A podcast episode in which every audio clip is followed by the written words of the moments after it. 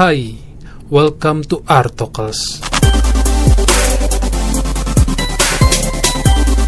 Kalau kemarin kita ngobrolin tentang pembunuhan dan juga kasus yang viral terus, pada hari ini kita akan bahas kisah-kisah yang seram karena udah lama juga enggak ngomongin hantu maupun urban legend yang menakutkan. Dulu pernah bahas tentang urban legend Jepang. Sekarang saya punya dua urban legend yang dipercaya juga nyata dari negara Filipina. Orang banyak yang tidak percaya sama urban legend. Hanya hoax, hanya sensasi buat nakut-nakutin aja katanya. Padahal munculnya urban legend itu biasanya berdasarkan kesaksian orang-orang yang pernah melihatnya langsung. Semua urban legend di negara mana pun. Nah, bagi yang belum pernah melihatnya, menganggap itu hanya bualan semata.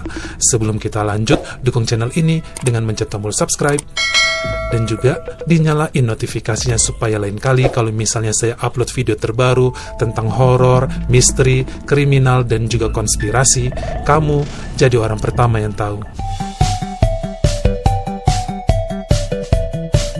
Maria Labo ini merupakan cerita melegenda dari Filipina yang cukup terkenal, bahkan sudah difilmkan langsung dengan judul yang sama dengan namanya, Maria Labo. Sebagian orang bilang ini adalah cuma urban legend, namun sebagian orang-orang tua, para tetua di desa-desa Filipina mengatakan ini merupakan kisah nyata dulunya.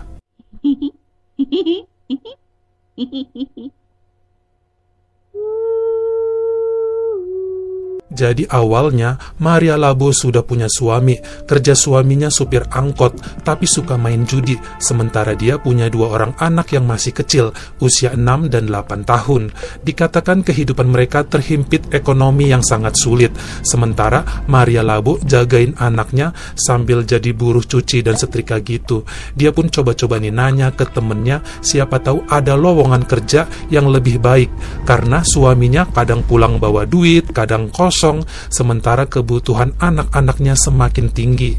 Hingga akhirnya ada tetangganya yang ngasih info buat ngejagain seorang pria tua yang usianya 70 tahunan, lumpuh dan hidup sendirian di sebuah rumah besar, sebab perawat sebelumnya dikatakan mengundurkan diri karena nggak betah dengan tawaran gaji yang lumayan, Maria Labo pun memberanikan diri untuk melamar pekerjaan tersebut jadi penjaga bapak-bapak tua yang hidup sendirian. Sebenarnya ada desas-desus dari tetangga yang mengatakan tentang bapak tua tersebut. Namanya Mr. Alan. Ada yang bilang dulunya dia adalah pensiunan militer, lumpuh karena ditembak dalam perang, tapi dipecat karena dia suka makan daging manusia atau kanibal. Jadi waktu perang dulu dia suka banget makan temennya samalah kayak jam sekarang temen makan temen.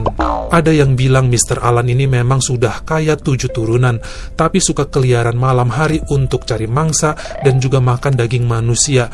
Dan akhirnya ada orang yang ngedukunin dia jadi lumpuh supaya tidak keliaran dan memangsa lagi apa pun cerita yang beredar tentang Mr. Alan ini tidak digubris sama Maria Labo karena dia mikirnya mau kerja untuk memperbaiki ekonomi keluarganya yang memang hidup di bawah garis kemiskinan. Bahkan katanya untuk makan sehari-hari saja sulit. Jadi dia mirip si Budi. Budi kan membaca aja sulit. Akhirnya Maria Labo pun bekerja dan merawat si Mr. Alan ini. Maria Labo katanya betah aja kok walaupun Mr. Alan suka rewel dan juga sakit-sakitan. Wajar karena sudah tua dan Maria Labo tidak melihat hal-hal yang aneh sama Mr. Alan ini seperti yang orang-orang gemborkan tentang kutukan dan juga kanibalisme. Lawang dikasih makan roti aja, si Mr. Alan ini doyan. Dia cuma nggak doyan kalau dikasih roti isinya paku payung, keras katanya.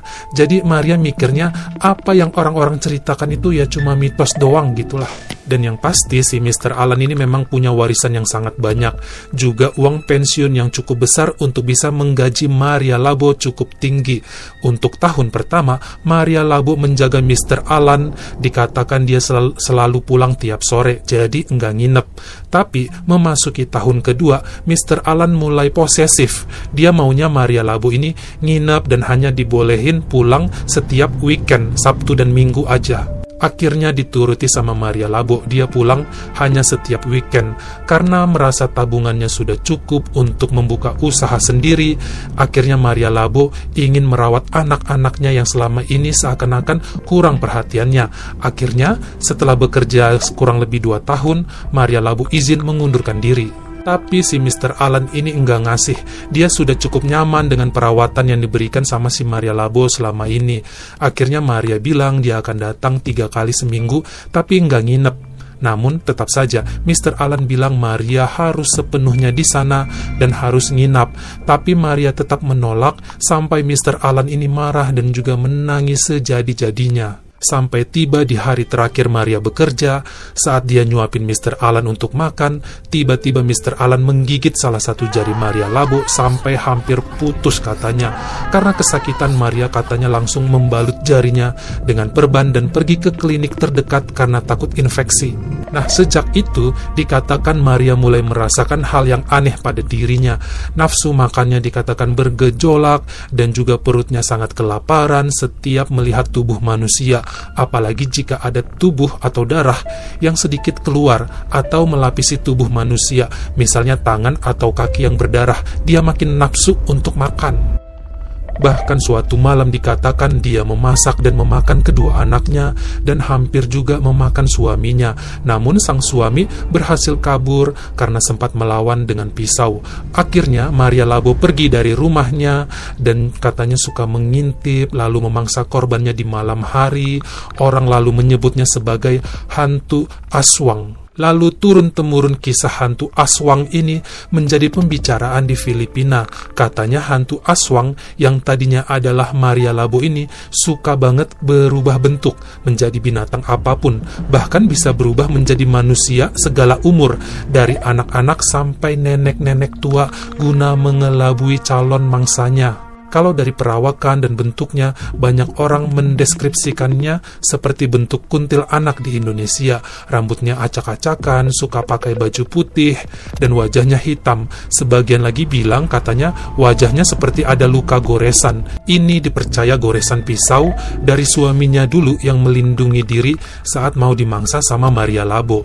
Untuk wilayah Ilokos ada yang bilang bahwa Aswang ini mirip banget sama bentukan vampir. Salah satu kejadian Aswang atau Maria Labo adalah seorang gadis remaja usia 14 tahun bernama Isaura. Dia tinggal berdua saja sama ibunya. Bapaknya sudah meninggal dunia. Tapi ibunya ini kerja di pabrik dan suka pulang malam kalau lembur. Jadi sepulang sekolah biasanya Isaura memang sendirian di rumah. Dia udah bisa masak dan juga mencuci pakaian. Jadi katanya di belakang rumahnya ada sumur, tapi di luar rumah ya, bukan di dalam rumah sumurnya. Nah, setiap maghrib maghrib antara jam 6 sampai jam 7 malam, dia beberapa kali melihat seorang anak perempuan katanya di dalam sumurnya minta tolong. Lalu Isaura cerita kepada ibunya. Awalnya ibunya percaya dan ikut melihat ke dalam sumur, tapi kosong. Ibunya mikir mungkin si Isaura ini cuma takut jadi halu melihat anak kecil di sumur karena pada saat pagi harinya ibu Isaura ngelihat ke sumur nggak ada apa-apa kecuali air doang. Tapi hal ini terjadi terus katanya setiap maghrib. Isaura berasa dipanggil dan memang melihat seorang gadis di dalam sumurnya. Lalu dia cerita nih ke tetangganya. Akhirnya tetangganya bilang mungkin itu hantu aswang. Dan Isaura harus hati-hati. Walaupun sang tetangga juga tidak melihat ada anak gadis di dalam sumur itu. Hingga pada suatu hari, waktu ibu Isaura pulang kerja jam 10 malam karena lembur, dia tidak dapat menemukan Isaura di mana-mana, lalu dia pun katanya melapor kepada polisi.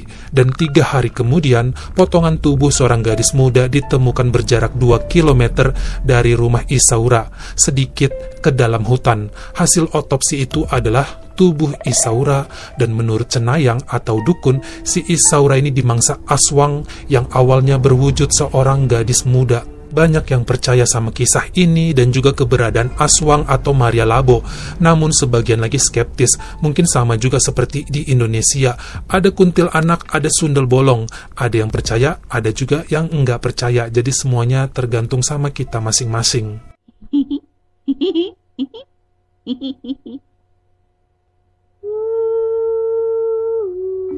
Don Simeon Bernardo adalah seorang pria sombong yang tidak percaya sama keberadaan Tuhan. Dia juga merupakan panglima perang, kemudian meninggal saat usianya 65 tahun pada tahun 1934 dikarenakan serangan jantung.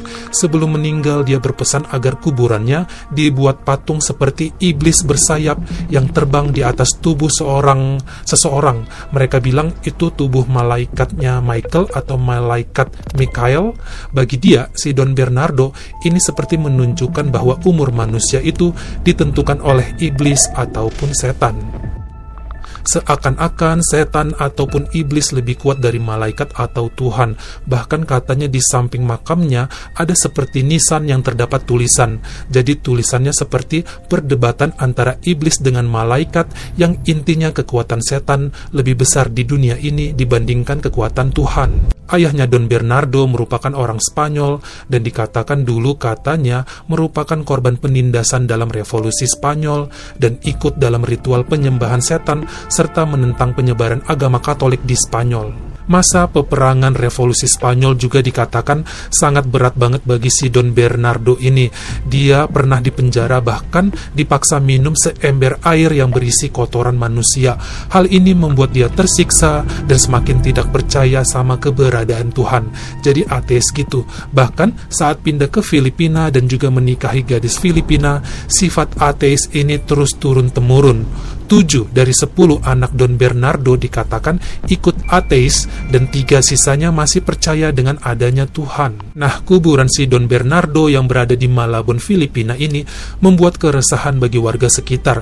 Ada yang bilang sering melihat sang patung iblis ini berjalan-jalan di malam hari. Jadi patungnya itu dikatakan turun dari makamnya, lalu menakut-nakuti orang di sekitar. Sebagian bilang sang patung iblis ini terkadang menjelma jadi hewan serigala ataupun anjing di malam hari. Dan yang paling anehnya, saksi hidup anaknya Don Bernardo mengatakan bahwa dulu patung iblis yang ada ini hanya setinggi 60 cm.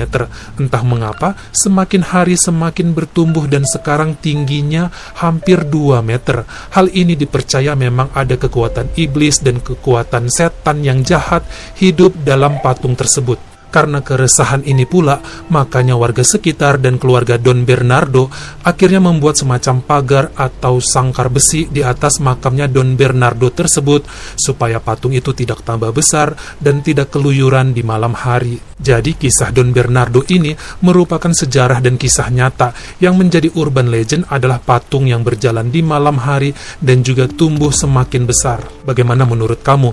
Kamu percaya atau tidak tentang Maria Labo atau setan aswa dan percaya juga atau enggak tentang patung yang keliaran di malam hari dan juga tumbuh membesar atau tetap skeptis karena menurut saya kebanyakan urban legend di seluruh dunia muncul karena memang ada saksi mata yang pernah melihatnya.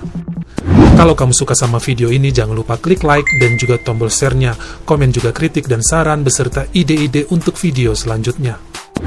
Buat yang baru pertama kali mampir atau udah sering mampir tapi belum berlangganan, jangan lupa ya diklik dulu tombol subscribe dan juga dinyalain notifikasinya biar lain kali kalau misalnya saya upload video terbaru kamu jadi orang pertama yang tahu. Follow juga instagram saya jika berkenan di artokels S nya 2 dan jangan lupa untuk nontonin semua video saya yang lainnya. Tetap jaga kesehatan. Terima kasih